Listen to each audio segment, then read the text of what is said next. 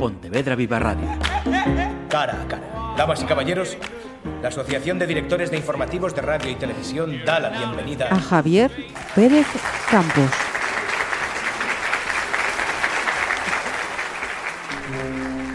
¿De verdad quieres ir a vivir a ese hotel todo el invierno? Sí, claro. Lo pasaremos muy bien. ¿Y qué dice Tony? Él también querrá ir al hotel, supongo. No, yo no, señora Torrance. Tony, ¿por qué no quieres ir a ese hotel? No lo sé. Venga, Tony, dímelo.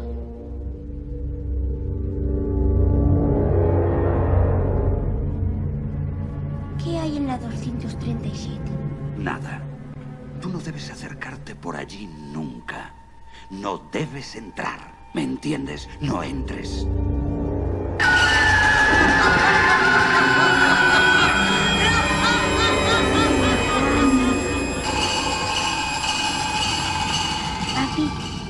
Vamos a traer un libro diferente hasta ahora, entre todo cuanto libro hemos eh, comentado aquí en Los Cara a Cara. Su autor es el periodista y escritor Javier Pérez Campos, que os resulta sí o sí reconocible pues por toda su trayectoria en televisiones y más particularmente por el programa Cuarto Milenio. Así que vamos a saludar a Javier y darle lo primero las gracias por su tiempo y por este trabajo.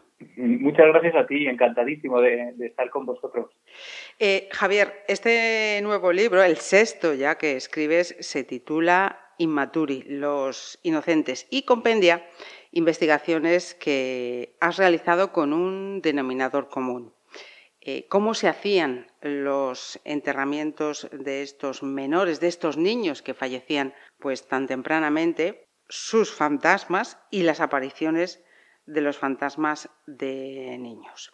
Tengo que reconocer, antes de hacerte la primera pregunta, que mm, no he sido eh, capaz de leerlo línea a línea, punto a punto, digamos, porque soy muy impresionable, así dicho de una forma ligera, por no decirlo más contundente. Entonces, antes de entrar en, lo que, en todo lo que nos cuentas, quiero preguntarte por ese momento personal de ese Javier Pérez Campos en el que comienza a escribir Inmaturi y esos miedos, ya que tenemos este libro delante, que comienzas a experimentar. ¿Qué es, lo que pasa?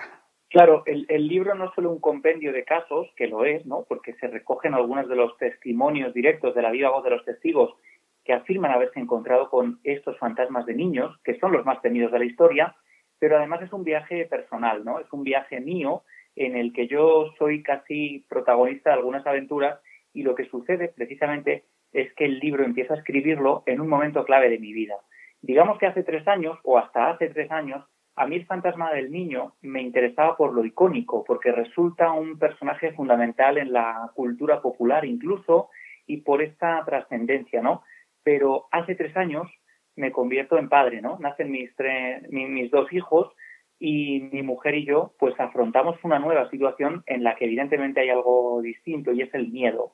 Surgen unos miedos nuevos que parecían dormidos en nuestro ADN y que tienen que ver con una nueva perspectiva de afrontar también el misterio, ¿no? Porque al final cuando la vida te toca, cuando cambia una situación, cuando cambian tus circunstancias personales, eh, tienes una manera diferente de ver las cosas. Uh -huh. En nuestro caso había un miedo a, a mil cosas porque los niños nacen de manera prematura, nacen dos meses antes de que tuvieran que nacer. El día donde, donde todo ocurre, que no debían nacer, hay una serie de señales mágicas que yo voy contando también en el libro, Sí. que el libro tiene su oscuridad, pero también tiene esos destellos, un poco de luz, ¿no? El-. Que es la maravilla del misterio. Y, y claro, a partir de ahí cambia todo, ¿no? Cambia la perspectiva de- de- y, y la manera de acercarme a un misterio que me había interesado casi por lo estético, digamos, ¿no? Por lo que supone el fantasma del niño, a nivel incluso cultural, pero pasa a tener una importancia distinta porque durante esos, esos esas semanas, es, es casi un mes que pasamos en la UCI neonatal con los pequeños, ¿no? Con. Mario y Chloe, que crecen y por fortuna salen de allí sin ningún problema, ¿no? Pero nosotros en la UCI neonatal pues nos encontramos con, con padres que se enfrentan a situaciones extremas, ¿no? Donde la salud de los pequeños pues es complicada y donde uno ve todo tipo de cosas. Y esa situación tan dura, pues evidentemente me hizo mm, contemplar el misterio de las apariciones de niños desde una perspectiva diferente, ¿no? Quizá más honda y quizá también mm, con unos miedos nuevos, que ya no era solo el miedo casi cerval al fantasma, sino un miedo que ya tenía que ver, quizá más maduro, con la pérdida, con el miedo a la, a, la desaparición ¿no? de lo que más quieres, y ese es un miedo y un dolor que debe ser el más desgarrador o de los más desgarradores que puedes experimentar. Voy a recoger eh, además una, una afirmación de este libro y te pregunto, ¿por qué los de niños son los fantasmas más temidos de la historia? Pues mira, esta, esta declaración, digamos, un poco de intenciones, ¿no? Eh, pues podemos pensar que el miedo al niño es algo culturalmente reciente, ¿no? Pensamos en las gemelas que se dan la mano en el resplandor, pensamos en el niño que tira la pelota en al final de la escalera, en esa niña con el pelo en la cara que sale de un pozo en The y que nos traumatizó a todos los espectadores, pero lo cierto y verdad es que a nivel cultural ese miedo es mucho más antiguo. ¿Y cómo se puede demostrar? Bueno, pues en la Edad de Bronce, hace miles de años, en España tenemos ejemplos de que mientras al resto, a los adultos de la comunidad, se les enterraba en un camposanto o en zonas eh, de, de, una manera, digamos, más normal, a los niños siempre se les ha enterrado de manera distinta. ¿no? Hablo de la Edad de Bronce hablo también de época romana, hablo de antigua Grecia. Inmaturi, en el fondo, el título del libro, Inmaturi, es la manera que tenían en la antigua Roma de, denominar a los que morían antes de tiempo, ¿no? A los niños que volvían como fantasmas. Y lo mismo sucede, por ejemplo, en la antigua Grecia. Se les llamaba auroi, los muertos fuera de hora, muertos cuando no toca, y son los muertos más temidos porque son los más perdidos. Se les enterraba de manera distinta, como te adelantaba, hace miles de años. Hay ejemplos, por, por ejemplo, en, el sur de España, Baelo Claudia, en Cádiz, cerca de Tarifa, donde aparecen niños en el siglo I enterrados en el interior de una vasija, en el interior de una ánfora, eh, y estas, eh, estos elementos también en lo más profundo en ocasiones, por ejemplo en Mallorca, en las cuevas de San Borna, en lo más profundo de una cueva, en el interior de abetos vaciados para meter dentro estos cuerpecitos y después introducirlos en lo más profundo de una cueva casi cerca de un acantilado, en zonas muy complicadas de llegar a ellas. Y esto en el fondo nos están contando los arqueólogos y los historiadores desde hace unas décadas. Lo que nos están informando es que esto eran muertos incómodos, muertos temidos a los que había que alejar especialmente de la sociedad porque había un, un terror a que pudieran regresar, ¿no? Bueno, pues la mayoría de esos muertos incómodos eran niños y así aparecen en diferentes culturas. Reúnes 15 eh, historias que has investigado, vivido y mm, de todas ellas, ¿cuál es la que, mm, la que más te impresionó a ti, Javier? Pues mira, yo recojo un tipo de, de apariciones que se dan especialmente en la Edad Media y que no se fijan culturalmente, digamos, ¿no? que actualmente no son nada habituales y que son las apariciones de fetos y de neonatos, que es algo muy particular, como digo, pero que se producía relativamente con frecuencia en la Edad Media, precisamente porque era más habitual ¿no? que las, eh, los niños pudieran morir durante el parto, morían sin, em, sin bautizar, a veces morían siquiera sin recibir un nombre y se les enterraba a las afueras de los campos santos, ¿no? porque no se les podía introducir en zonas sagradas. Bueno, pues una de las historias que yo recojo es la que a su vez investigó un medievalista francés llamado Claude Lecoté, que recoge cómo precisamente en el camino de Santiago, ya muy cerca de Santiago de Compostela, un viajero se encuentra con el fantasma de un niño de escasas semanas de gestación arrastrándose, que casi no puede caminar porque no ha aprendido a caminar y que está envuelto en una túnica o una sábana blanca. Hablamos de un texto medieval, ¿eh? hablamos de un documento que es históricamente una joya porque además nos revela mucho sobre ese miedo particular a los neonatos, ¿no?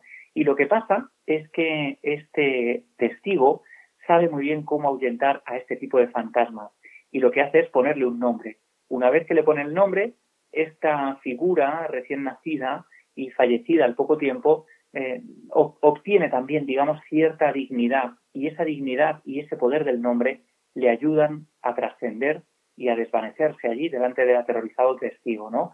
Bueno, pues estas historias yo creo que son especialmente peculiares y he llegado a recoger algunas que suceden incluso en nuestro propio país todavía hoy. Yo entrevisto a David Gutiérrez, vecino de, Las Urdes, en Extremadura, que asegura haberse encontrado con algo muy similar. Una figura parecida, decía él, a lo que se ve en las ecografías de una mujer embarazada de pocas semanas de gestación, donde se ven casi las malformaciones típicas del feto, ¿no? Cuando se está formando, y él ve exactamente esa figura muy cerca de su cama y echándole los bracitos. Y él sale a correr eh, en cuanto lo ve y siente un pánico que no se parece a nada que haya sentido antes. Uf, eh, a estas alturas de tu trayectoria profesional, Javier, ¿cómo, cómo consideras o cómo mm, interpretas tú el, escepticismo o, el negacionismo de, otras personas?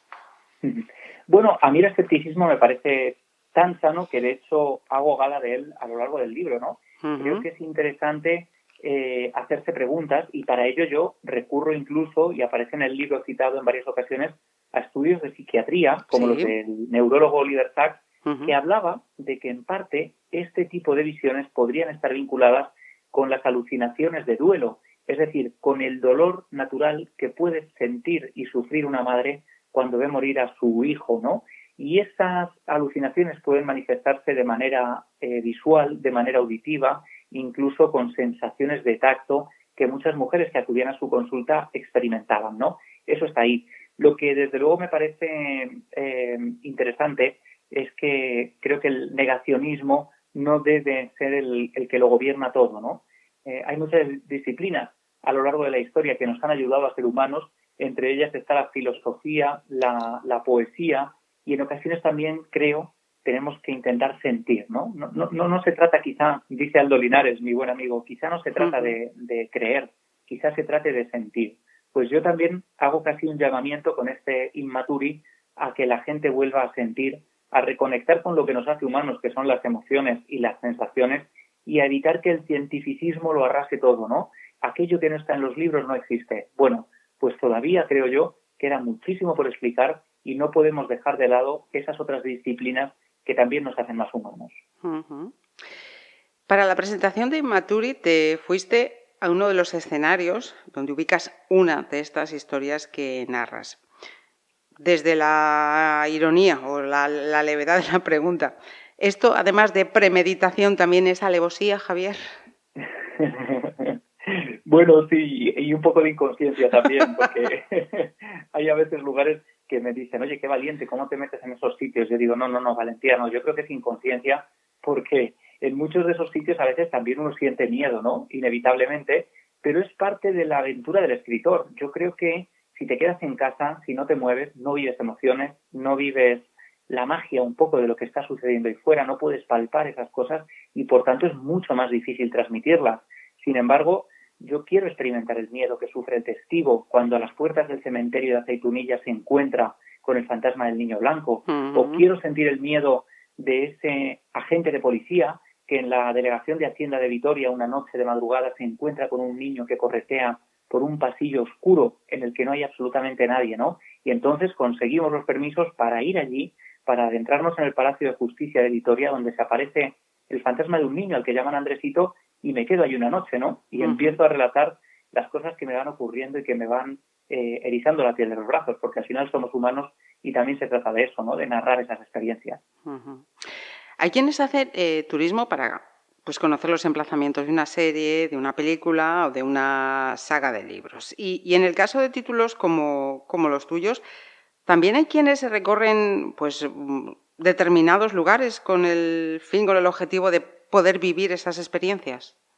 Mm, sí, tú, tú lo has dicho muy bien, ¿no? En el fondo hay gente que quiere viajar también para vivir experiencias y mis libros son mucho, tienen mucho de libro de viaje, porque hablo de localizaciones que se pueden visitar, de ubicaciones, de museos que tienen, por supuesto, ¿no? sus rutas oficiales y que son muy interesantes, pero de los que yo ofrezco también una perspectiva diferente. Por ejemplo, el Museo de Arte Romano de Mérida, yo invito a visitarlo, pero centrándonos, por ejemplo, en una tumba muy concreta de un niño que tiene que ver con una historia de fantasmas, en unos elementos muy particulares. Y a este respecto me pasa algo muy curioso, yo lo cuento también en Inmaturi, que en mi anterior trabajo, en Los Intrusos, yo hablaba del parador de Mérida, donde muchos trabajadores también han visto a un niño que corretea por una zona muy concreta del parador y donde hay una habitación, la 205, que no se da habitualmente a los clientes porque hay clientes que han vivido experiencias extrañas allí, ¿no? Bueno, pues imagínate, el libro se publica, yo vuelvo a Mérida a hacer una investigación para este Inmaturi, estoy desayunando en el parador porque yo me quedo allá a dormir siempre que voy a Mérida Y entonces me encuentro a una pareja joven, muy amable, un poco nerviosa, que se acerca a mí y me dicen, mira, no te lo vas a creer, pero llevamos tu libro, Los intrusos, debajo del brazo y hemos venido precisamente porque hemos leído de este sitio en tu libro y queríamos saber más y conocerlo personalmente. Claro, imagínate, ¿no? Ellos van ahí con mi libro y me encuentran allí además, con lo cual es una experiencia doblemente paranormal. y, y lo bonito es que ellos, además, con mi libro, llevaban el libro anotado porque por su cuenta habían estado entrevistando a los testigos que yo entrevisté en su día y habían obtenido nuevos datos, nueva información y habían complementado, digamos, mi libro con su propia investigación. Bueno, pues a mí eso me parece una cosa preciosa, ¿no? Pues podéis echar un vistazo a ese libro anterior y si no también en Inmaturi hay un capítulo dedicado al parador. ¿Os acordáis que le he preguntado antes por dónde presentó? Bueno, pues ya lo ha dicho. La presentación fue aquí, en el parador de Mérida, en esa habitación. Además hay una imagen en esa habitación 205. Y hablando del libro, por cierto, me vas a permitir, Javier, que diga mm, pues que ahora mismo, en este momento en el que vivimos, eh, el sector editorial también nos permite además dar un salto a la parte audiovisual porque nos incluyes una serie de códigos eh, QR para que quien lea el libro pues pueda ver de forma audiovisual determinados ejemplos que tú pones, o sea, que, se ve, se escucha y, y, se lee todo. Sí, eso es muy bonito. Mi idea además es el libro como objeto. Yo soy un auténtico bibliófilo y me gustaba meterle pequeños detalles casi de editor, ¿no? De premium. Eh, hay, por ejemplo, un sello que ha hecho Tomás Hijo, un artista maravilloso que ha trabajado con Guillermo del Toro, pues ha creado un Inmaturi, ¿no? Y lo hemos puesto el sellito en el libro que viene grabado en las solapas. Es un libro en tapadura, tiene fotografías a color, tiene detallitos como si fuera mi cuaderno de campo y estuvieran algunas fotos pegadas con, con cinta. Y luego tiene esos códigos QR que tú cuentas, que están elegidos en algunos capítulos aparece ese recuadrito que tú con tu teléfono móvil puedes escanear con la cámara de fotos y te va a llevar a una serie de sonidos muy particulares que yo he podido obtener a lo largo de la investigación. Uno de ellos, por ejemplo, son eh, gritos infantiles en un colegio abandonado donde no había absolutamente nadie a las dos de la madrugada. Yo estaba allí durante la grabación de sonido, allí no había nadie, no había nada, no se escuchó sonido, pero luego la grabadora sí que recoge una grabación impresionante de 30 segundos en las que se escuchan pues unos gritos infantiles como de varios niños que chillan hacia un lado y hacia otro. ¿no? Es un, elemento realmente impactante. Uf, em, con todas estas eh, narraciones y para los que estáis escuchando y seáis así, como decía yo, un poco mm, con, el, miedo subido, eh, hay que decir que Javier nos deja también mm, buen sabor de boca, ¿no? una moraleja en este libro. Y es que hoy estamos aquí y mañana o dentro de unas horas no se sabe. Y como decimos los de mi generación, los boomers, pues hay que aplicarlo del carpe diem, ¿no? Hay que vivir el momento, Javier.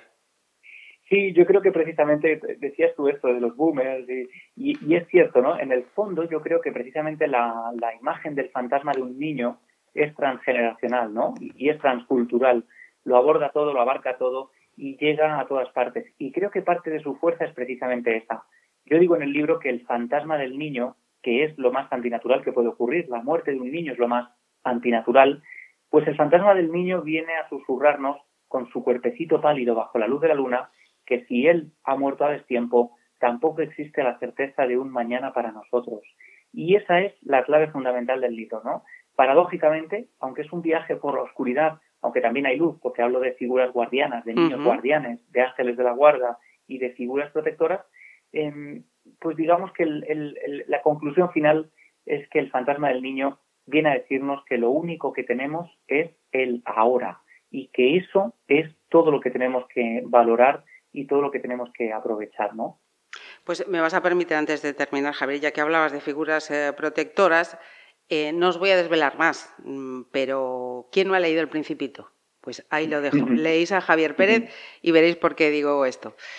Y a Javier, pues lo dicho. Javier, muchísimas eh, gracias por tu tiempo y mucho éxito con, este libro. De gracias. Muchas gracias. Un abrazo muy grande y gracias por ese esfuerzo por leerlo, aunque sea de día.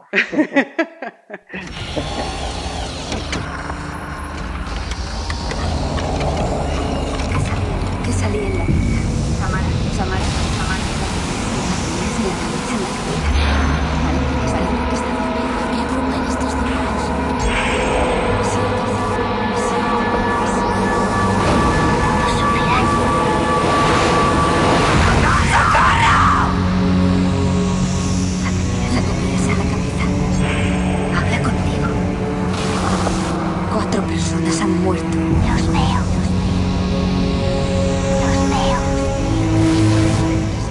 Pontevedra Viva Radio.